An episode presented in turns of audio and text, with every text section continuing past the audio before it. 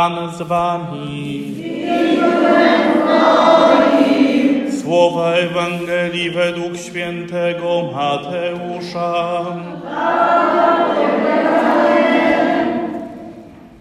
Jezus, widząc tłumy, wyszedł na górę, a gdy usiadł, przystąpili do niego jego uczniowie. Wtedy otworzył swoje usta i nauczał ich tymi słowami. Błogosławieni ubodzy w duchu, albowiem do nich należy Królestwo Niebieskie. Błogosławieni, którzy płaczą, albowiem oni będą pocieszeni. Błogosławieni cisi, albowiem oni na własność posiądą ziemię. Błogosławieni, którzy łakną i pragną sprawiedliwości, albowiem oni będą nasyceni. Błogosławieni miłosierni, albowiem oni miłosierdzia dostąpią. Błogosławieni czystego serca, albowiem oni Boga oglądać będą. Błogosławieni, którzy wprowadzają pokój, albowiem oni będą nazwani synami Bożymi. Błogosławieni, którzy cierpią prześladowanie dla sprawiedliwości, albowiem do nich należy Królestwo Niebieskie. Błogosławieni jesteście, gdy ludzie wam urągają i prześladują was, i gdy mówią kłamliwie wszystko złe na was z mego powodu.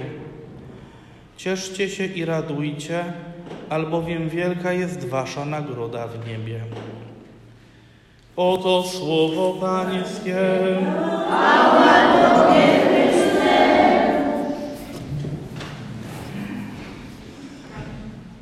Nauka ośmiu błogosławieństw jest trudna przede wszystkim dlatego, e, że my jesteśmy wychowani w takim przekonaniu, że wszystko musimy mieć już teraz, zaraz.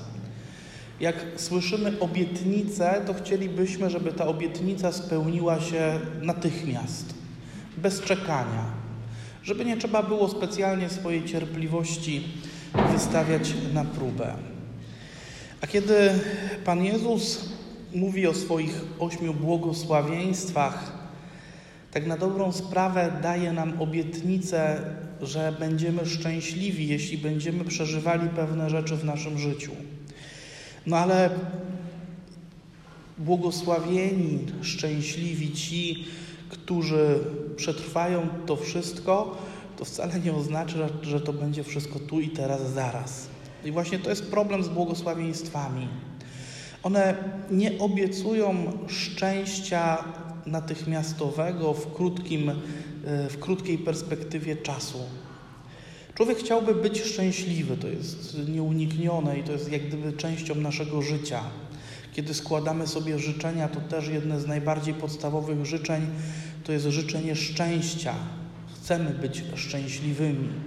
Ale w tym naszym pragnieniu szczęścia, bardzo często podszytym brakiem cierpliwości, bardzo łatwo zdajemy się na drobne namiastki, na drobne e, fałszywki, na takie małe, niedoskonałe szczęścia, które w dalszej perspektywie nic nam nie dają, bo szybko się kończą, szybko mijają, pozostawiają po sobie tak naprawdę jeszcze więcej pragnienia szczęścia i pustki niż, no właśnie, niż prawdziwe szczęście. A Pan Jezus, kiedy mówi o swoich błogosławieństwach i o szczęściu z nimi związanymi, kończy tą naukę słowami: Cieszcie się i radujcie, albowiem wielka jest wasza nagroda w niebie. Pokazuje, że to szczęście takie pełne, szczęście, które nie pozostawi po sobie już żadnej pustki, przyjdzie dopiero z czasem. Przyjdzie wtedy, kiedy spotkamy się z Nim gdzieś tam na końcu czasów, na końcu naszego życia i kiedy w niebie będziemy mogli to szczęście przeżywać i będziemy mogli go doświadczać.